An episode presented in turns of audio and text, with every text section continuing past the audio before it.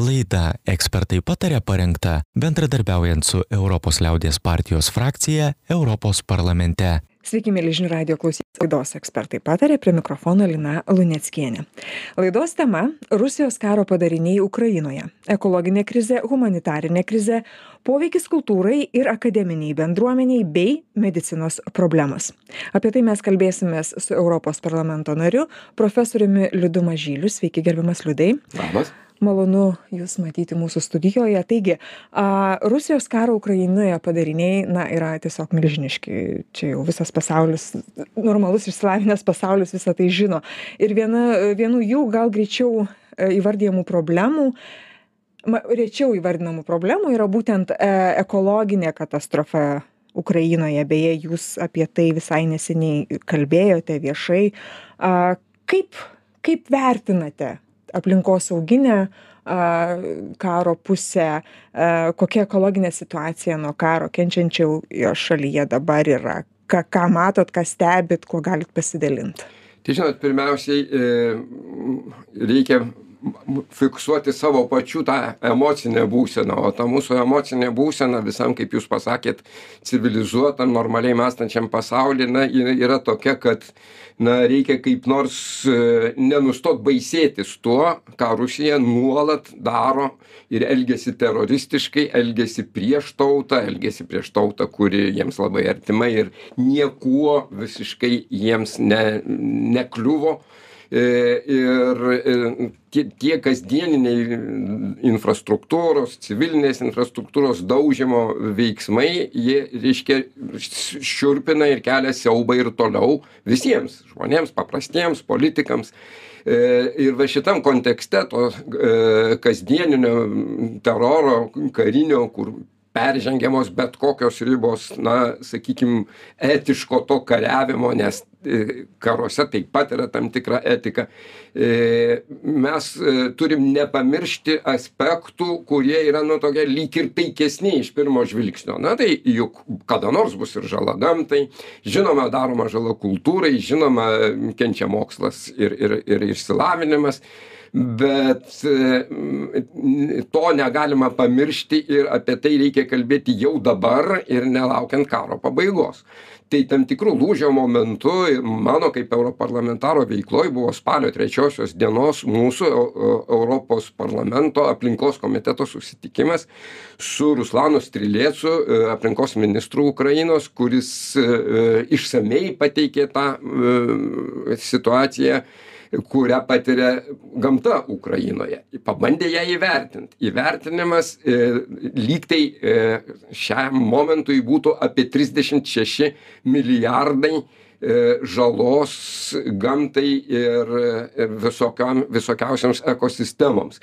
Kaip tai atsitinka čia yra labai paprasta. Kiekvienas karas paskatina anglies dioksido išlakų į atmosferą. E, padidėjimą kiekvienas karas užteršia e, dirvožemį nuodingomis medžiagomis juo labiau toks tokia karo taktika kokią vykdo rusija.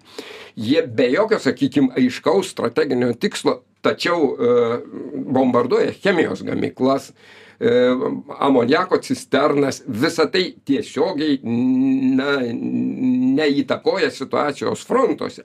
Tačiau tas vat nusikalstamas e, rusiškasis ekologinis terorizmas kito žodžio čia negalima pasakyti e, jisai sukelia ir trumpalaikes ir labai ilgalaikes pasekmes tai oro tarša galima sakyti tai yra dvidešims du milijardai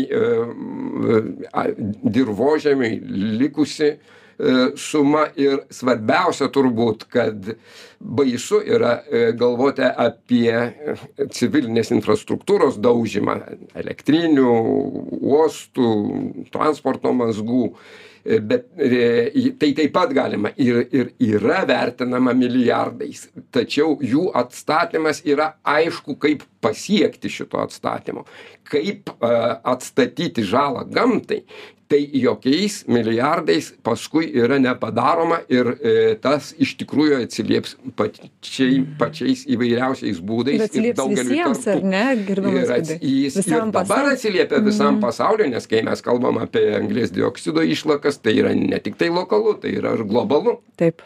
taip prakalbot apie e, elektrines ir, ir, ir visiems labai jautri, jautrus momentas yra būtent Zaporižės atominė elektrinė. A, kokias, kokia čia situacija, kokia čia didžiausia grėsmė, na nedaug dievė bus E, žengtas tas lemtingas Tai matot, žingsnis. e, kuomet e, Zaporižės atominė elektrinė, ir apie tai rašiau ir, ir su bendraminčiais daug kartų, nuo pat e, Rusijos agresyvaus karo Ukrainoje pradžios vasario 24 dieną, nes e, būtent šita didžiausia Europoje, galingiausia Europoje atominė elektrinė, jinai e, periodiškai nuolat po kelis kartus e, per savaitę yra e, atjungiama nuo e, pačios elektros tiekimo sistemos.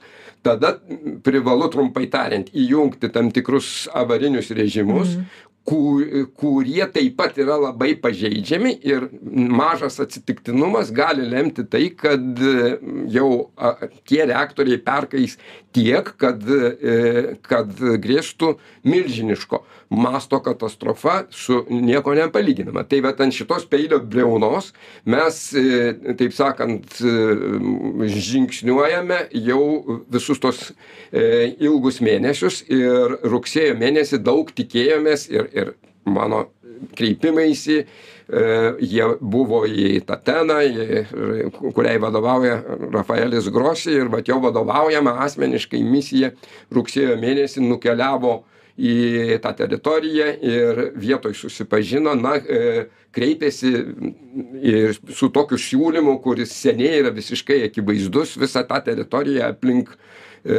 tą atominę elektrinę būtina demilitarizuoti ir vienokio ar kitokio pavydalo tarptautiniai stebėtojai ten turi būti įleisti, kurie kontroliuotų.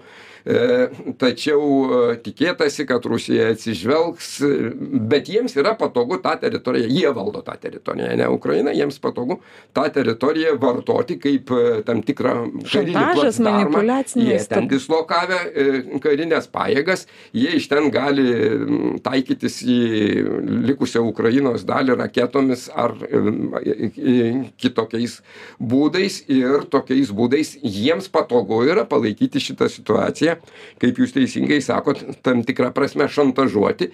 Kito termino vėl čia nesugalvosi. Čia, čia jau yra brandolinis terorizmas, kurį vykdo iš tikrųjų vienašališkai Ukr Rusijos pusė. Liudai, bet mes galim kažkokius, mes svertus kažkokius, bent kokius turim, kaip Europos Sąjunga, kaip... kaip Na, šioje NATO. situacijoje svertas turbūt Bet kad tik karinis. vi- vi- visiškai vienintelis. Taip, reikia mm, laimėti frontuose, reikia išstumti karinę jėgą ir kai jau ta teritorija bus pradėta kontroliuoti Ukrainos, tada atsiras ir, ir pozityvūs sprendimai. Kitų aš nelabai matau.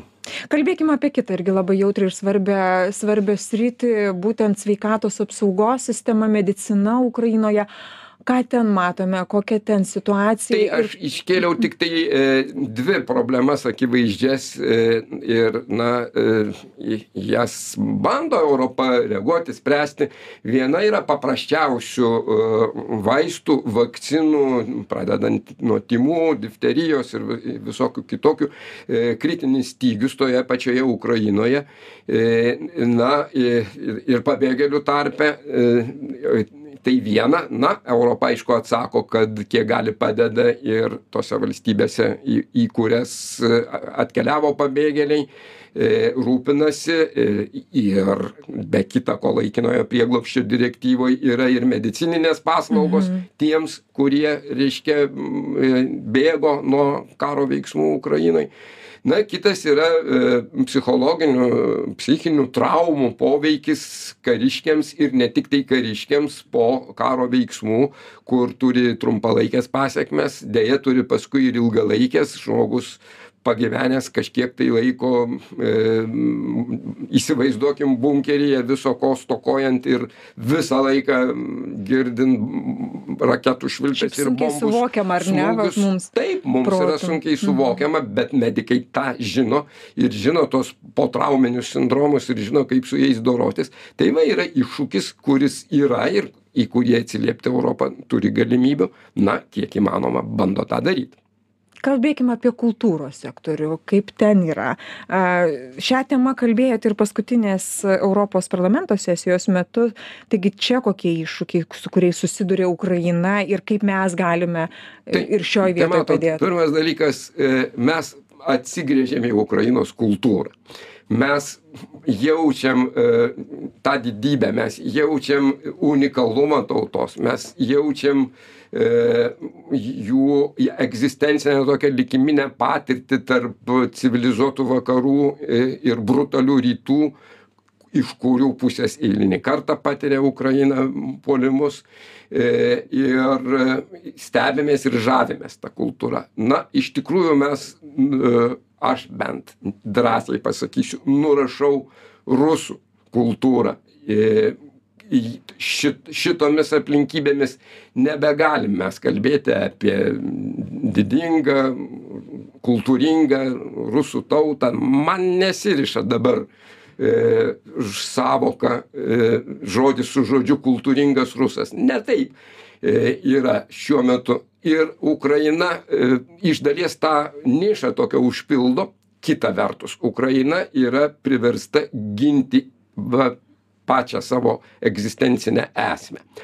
Na, Europos parlamente, vakarų visuomenėse tas tarp kitko daro įspūdį, kai yra pasakoma, kad e, muziejai daužomi, e, kad e, 40 mažiausiai muziejų yra paprasčiausiai išvokta ir paversta, e, dabar jau bandoma registruoti kaip rusų kultūrinė vertybė.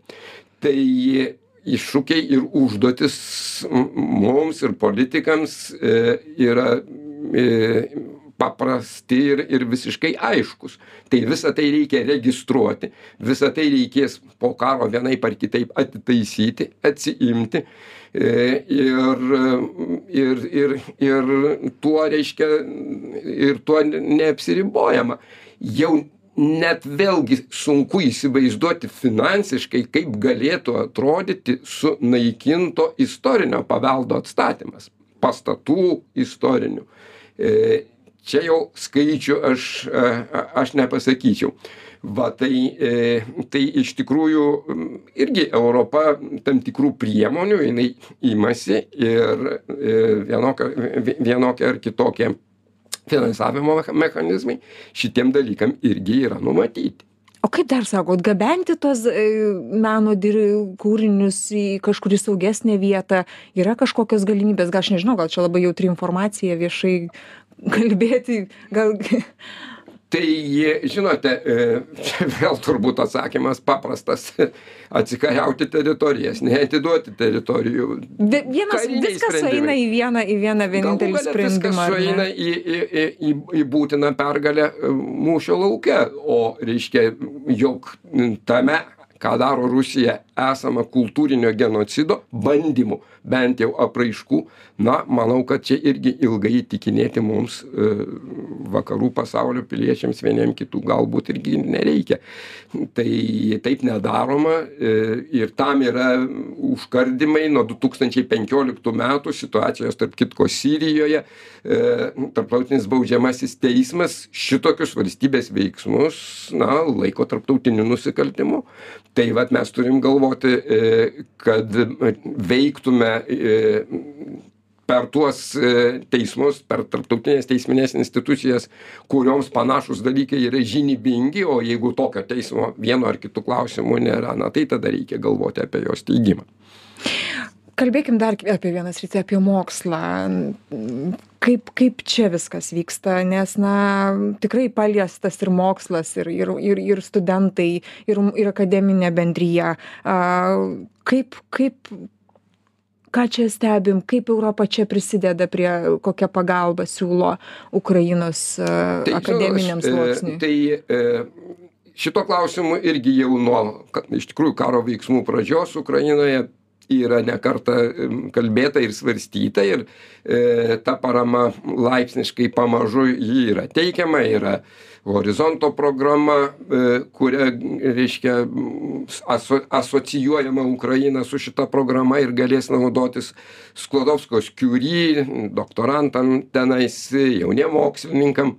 Tai yra pakankamos e, finansinės priemonės tačiau norėčiau atkreipti dėmesį ko iš tikrųjų trūksta ukrainoj trūksta paprasčiausių dalykų. Nu jūs įsivaizduokite mokymo ar ar mokslo tiriamąjį procesą aplinkybėmis kada netiekiama elektra arba kaip aš kartais e, niūriai šmaikštauju įsivaizduokim mes pabandom surašyti projektą į vat į vieną iš tų fondų kur ukraina teikia finansa europa teikia ukrainai finansavimą. Ir įsivaizduokim kad visa tai darom e, raketom švilpiant ir ir ir bombom sproginėjant. O čia pat reikia užpildyti vat visus tuos biurokratinius langelius kad tu ten tūkstantį ar kažkiek tai e, to finansavimo e, gautum. Tai mes vargstam taikiomis sąlygomis. Aš pats mokslininkas galiu tą paliudyt kol kol tai įveikiam o, o, o kaip šitom sąlygom jiem tada reiktų dirbti. Tai turėjau kontaktų e, savo akademiniai karjeroje ir su Hersono universitetu, tai paklauskim, kur apskritai jie po karo pradžios tą miestą patį pirmą didmiestį iš tikrųjų e, jau daug mėnesių kaip, kaip, kaip yra užgrobusi Rusija. E, Lucko universitetas visiškai kitame Ukrainos kampe e, ir e, jau prie Lenkijos sienos Vytauto didžiojo mūsų sostinė Luckas. Ir, ir lygtai saugiai ten atrodė viskas neliečia ar nedažnai bombarduoja tas teritorijas. Nieko, dabar Rusija nusitaikė į Lucko sritį ir paliko ten dalį jos be elektros, nes piktybiškai, kryptingai taikosi į, e, į reiškia, į, į, į būtent civilinę infrastruktūrą, į logistiką, į elektros tiekimą, į transporto mazgus, į šilumos e, tiekimą. Tai čia ne tik apie mokslą, čia ir apie, apie bet kokią taikę veiklą, apie bet kokį ukrainiečių kasdieninį gyvenimą, kuomet e, šalčiui artėjant na taip ukraina kaip ir lietuva paskelbė šildymo sezono pradžią e, laikosi narsiai bet e, mes įsivaizduokim kaip tas kasdieninis žmonių gyvenimas gali atrodyti kada jisai specialiai žiemai tamsai šalčiui artėjant yra visaip kaip sunkinamas. Tai yra nusikaltimai nieko bendra neturintys su mūšiais karo lauke kur, kaip aš jau sakiau, tai yra tam tikra gar, garbės, garbės kodeksai mūšio laukia.